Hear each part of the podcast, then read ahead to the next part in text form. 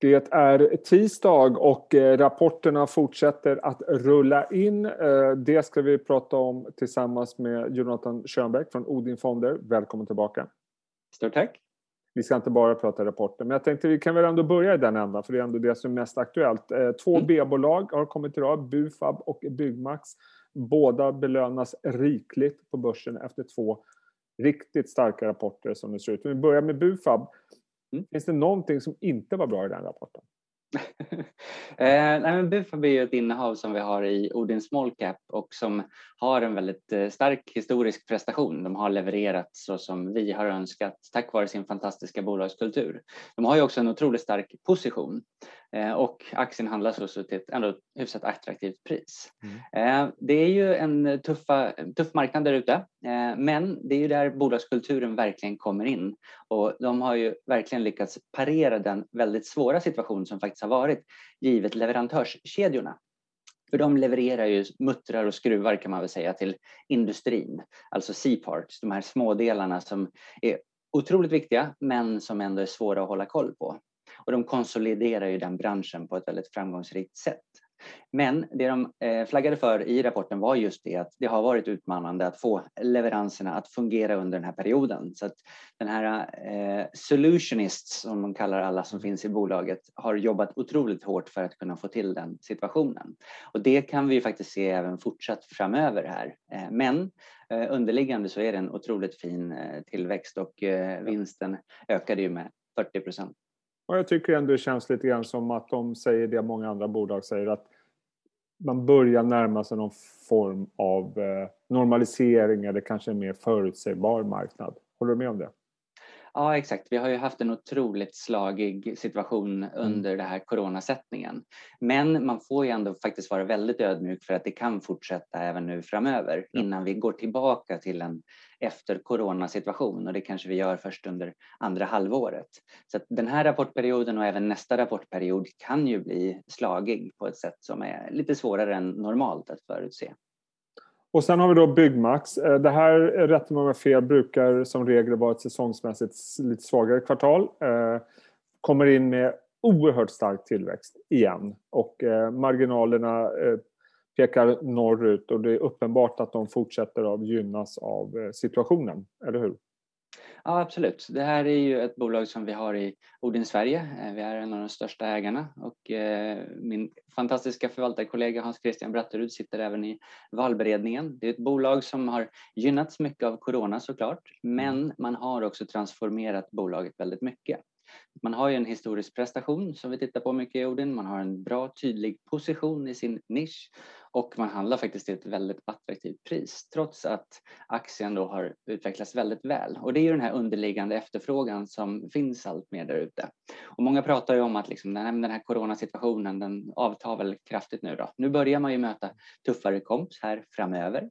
Men man ska inte heller glömma bort att det faktiskt har varit en väldig omsättning i eh, bostadsmarknaden. Och det är ju ofta det som triggar renoveringar och liknande. Så det är inte bara det här att du har haft ditt hus i, i flera år och gör, gjorde så att säga, altanen förra året och du ska inte göra någonting i år, utan du har faktiskt väldigt många som också har flyttat eller kanske till och med köpt ett litet fritidshus där man vill ha en ny altan även i år. Då.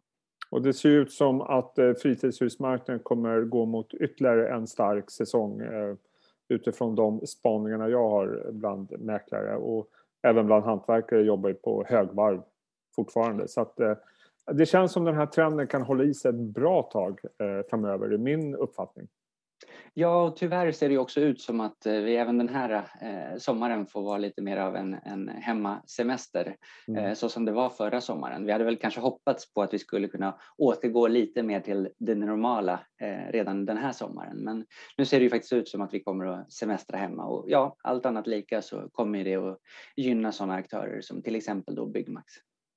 Mm. Och sen växer de ju fantastiskt inom, om, inom online också. Ja. Och sen så har de ju en satsning även inom eh, mera blommor och liknande där man också växer väldigt snabbt. Eh, så ja. det är ju även nya satsningar som gör att man får en bra tillväxt. Återigen tillbaka till det här att man har gjort en, en väldigt bra transformering av bolagskulturen och mm. hittat sin starka position. Mm, ja, väldigt starkt. Eh, vi lämnar rapporterna och så går vi över på eh, lite grann vad, vad, som har hänt i er värld senaste tiden, senast vi snackade. Och eh, du har gjort ett par, eh, några förändringar. Ni har eh, lämnat Duni och Loomis och istället gått in i Nimbus och eh, finska Admicom. Om vi börjar med de aktier ni har lämnat, Duni och Loomis. Två aktier som inte riktigt har hämtat sig sedan eh, corona eh, bröt ut. Fortfarande tror jag båda ligger på minus sedan början av förra året. Varför eh, åker dessa två ut? Ja, vi startade ju Odin Small Cap i eh, slutet av januari förra året. Eh, så det är klart att det blev ju en väldigt speciell start. Eh, där i den situationen så sålde vi ner i Loomis och sen dess har vi inte ökat faktiskt. Vi har varit väldigt avvaktande.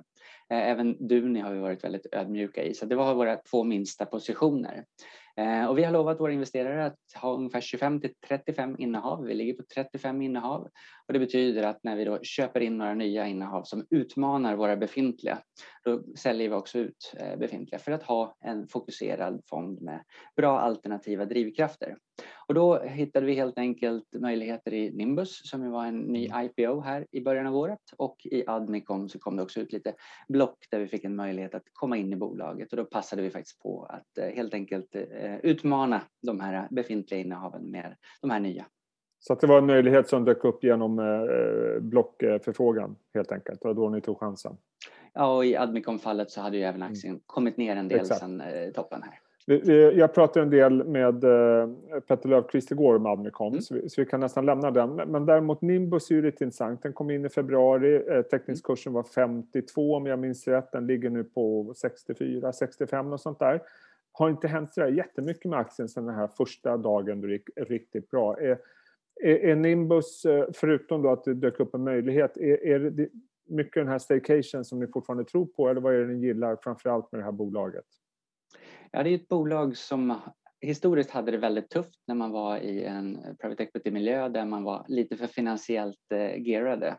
Eh, sen kom det in nya huvudägare i R12 och eh, tillsammans med ledningen som hade en väldigt lång erfarenhet inom den här industrin som har gjort en fantastisk resa där man har växt lönsamt eh, sedan 2014 då med en 30-procentig tillväxt i försäljningen. Så en bra historisk prestation. Det här är ju starka varumärken som Nimbus och Aquador och Alukin och Bella Falcon Flipper och Paragon Yachts. Så det är väldigt fina varumärken vilket gör att man har en stark position. Och man är inte bara båttillverkare utan man har även ett väldigt bra distributionsnätverk. Sen var det också ett attraktivt pris när den sattes på börsen. Det här är ju kanske inte någon som kommer att liksom gå 300 procent varje år, utan det är ju som alltid, vi vill hitta olika drivkrafter som kompletterar portföljen på ett bra sätt. Och det här är ett bolag som vi tror kommer göra det otroligt bra. Dels givet nu då att vi har goda förutsättningar i underliggande marknad. Men skulle marknaden då bromsa in framöver, ja då tror vi snarare att de kanske börjar exekvera på eh, förvärvsmöjligheterna fortsatt där. Eh, det har vi ju sett i sådana som NCAB som R12 också då är huvudägare inom. Så att eh, vi tycker att de har en väldigt bra bolagskultur. De har adresserat jättemånga av de negativa frågor som vi hade i samband med IPO. Jag är ju otroligt båtintresserad i grunden så att det är klart att det gjorde att jag var väldigt ifrågasättande. Men jag tycker att det här är ett tydligt exempel på en fin stark bolagskultur som kommer att lotsa det här bolaget framöver på ett väldigt bra sätt. Jag tänkte att vi ska avsluta med en trio aktier som du eh, vill uppmärksamma av en eller annan anledning. Och vi börjar med Dustins, som förra veckan kom med en väldigt stark rapport men framförallt så gjorde man ett eh, förvärv som marknaden eh, gillade rejält. Ska vi börja kanske med rapporten? Vad var det som, eller om vi börjar med rapporten, vad var det där som gjorde att marknaden gav tummen upp? Det är ett bolag som har gått igenom en lite tuffare period. Eh, de har inte riktigt levt upp till marknadens förväntningar. Men nu på sistone så har de rapporterat väldigt bra faktiskt. Och i det här fallet så var det ju ett väldigt slagigt år förra året. Eh, nu har det börjat ta rejäl fart. Det är ju stor efterfrågan på IT-utrustning som Dustin då eh, levererar till små och mellanstora bolag. Eh, och man har en väldigt stark, bra position i den nordiska marknaden. Eh, man har ju även en bra position i delar av Europa och den stärkte man ju nu då via det här Central Point-förvärvet som man gjorde i Benelux-regionen som i princip adderade 50 procent på försäljningen i Dustin. Så det var ett fantastiskt förvärv just för att bygga en väldigt stark plattform även i den regionen. Då. Och, och, du känner att Dustin är redo att ta på sig den här typen av stora förvärv då, efter att man har haft det lite choppy tidigare? Att du, du känner att det är rätt tid att göra det? Ja, absolut. Eh, det är ju en väldigt duktig ledning som sitter på plats. Eh, det är ju väldigt viktigt för vår bedömning av positionen, vilka människor som jobbar med det och den bolagskultur som finns.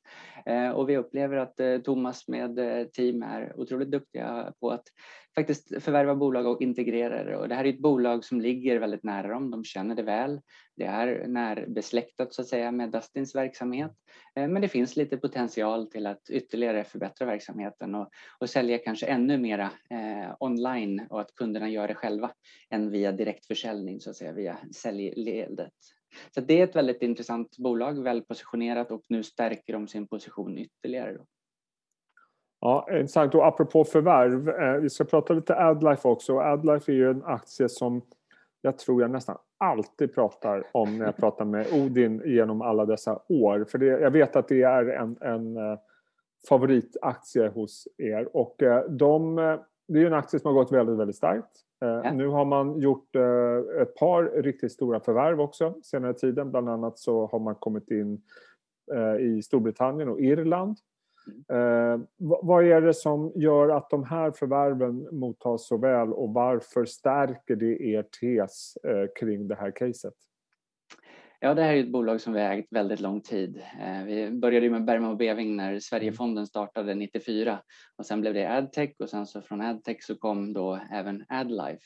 Och sen det kom ut på börs så har ju Kristina eh, som är då VD och Johan Sjö som är styrelseordförande gjort en fantastisk resa med det här bolaget. Det har ett tydligt exempel på ett bolag som kan fokusera ännu mer när det blir liksom fristående. Det är näst största positionen i Sverigefonden så det är klart att vi, mm. är, vi gillar bolaget därav. Embracer är den största positionen med 9% och det här väger ungefär 6,5% Så det är klart att det är en betydande position. Eh, vi upplevde ju kanske i höstas att det var lite högt värderat så vi tänkte att vi skulle vara lite smarta och, och sålde ner en liten del av positionen för det.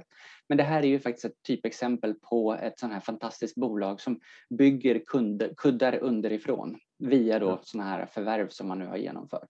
Så att du kom ju här in i en situation där du började möta väldigt tuffa komps givet att du hade coronasituationen förra året som gynnade Adlife väldigt mycket.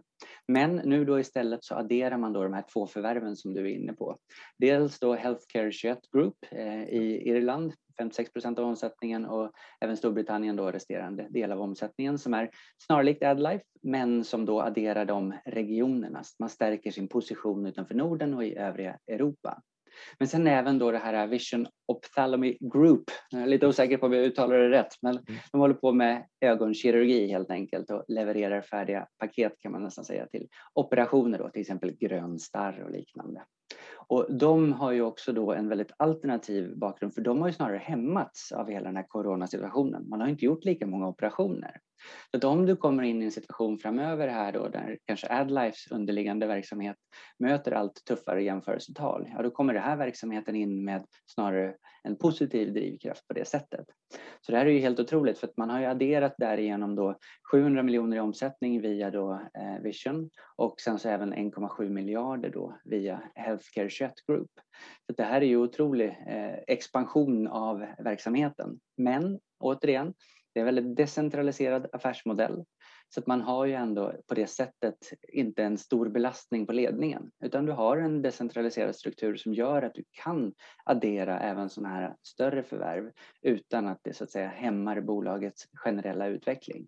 Så ett typexempel på ett bolag som har en fantastisk historisk prestation, en väldigt bra tydlig position eh, och där man helt enkelt får betala priset för det. Och du tog, ni tog hem lite vinst där, vad sa du, i slutet av förra året. Nu har den här aktien fortsatt eh, rusa. Jag vet inte hur mycket den är upp eh, sen början av förra året, närmare 200 procent skulle jag tro. Eh, ni får inte lite sådär eh, risk att bli lite fartblinda?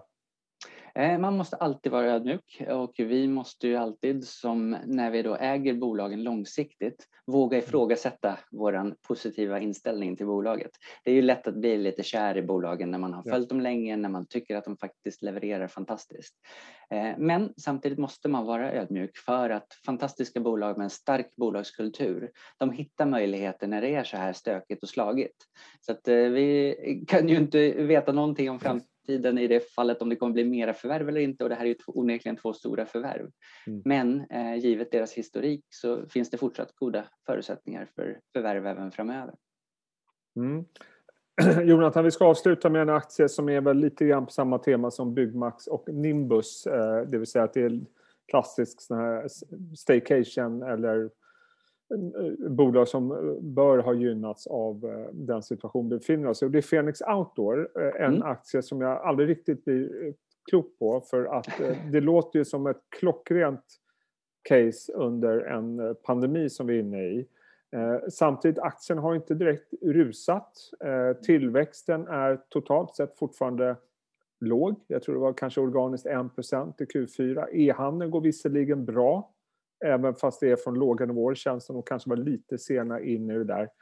Eh, borde inte den ha utvecklats bättre både operativt och kursmässigt under, om man ser tillbaka på hur världen har sett ut senaste året?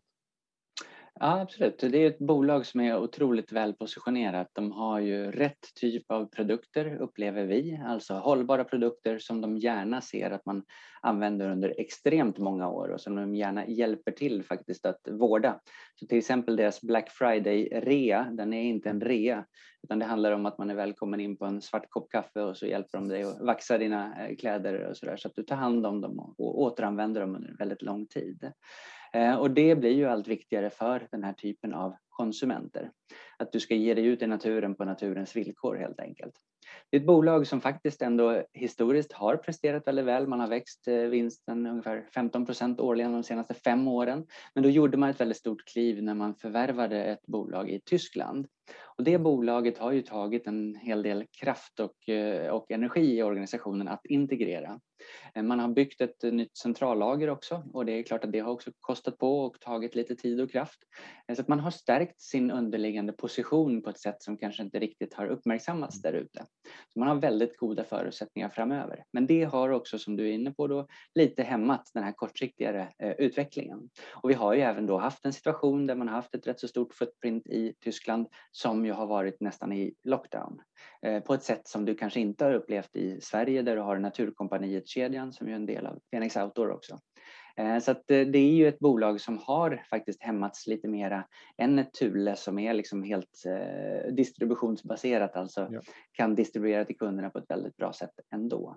Sen har man gjort stora kliv inom online som du är inne på, men det är klart att det är inte kanske så som de andra online-återförsäljarna där ute, utan det är på väg i den riktningen. Men som alltid så gör man eh, saker och ting på ett, ett bra och långsiktigt fokuserat sätt. Men, men, du känner avslutningsvis att eh, Fenix eh, position just nu och det de har investerat i och så vidare gör att deras förutsättningar nu är, har blivit betydligt bättre än tidigare? Ja, vi har valt att eh, öka i vår position i Odin Sverige då, en 4,2 procent av fonden i nuläget. Eh, vi tycker att Martin Nordin med team gör ett fantastiskt jobb. Eh, det är ju sonen till grundaren av bolaget så det finns mm. ett väldigt långsiktigt fokus i det här bolaget. Och det är det man måste vara lite ödmjuk för att det kommer att bli fantastiskt men ibland så är det lite sådär etappvis. Och som jag var inne på, man gjorde ett stort kliv i Tyskland för några år sedan. Det har tagit lite tid och kraft och nu upplever vi att man är redo för att ta nästa kliv framöver. Här. Mm, ja, eh, spännande. Det är ett eh, väldigt intressant case. Eh, hoppas att de levererar framöver. Jonathan, alltid lika kul att prata med dig. tack, tack för den här infon och vi hörs snart igen. Ja, stort tack för idag. Hej. Tack, tack. Hej då.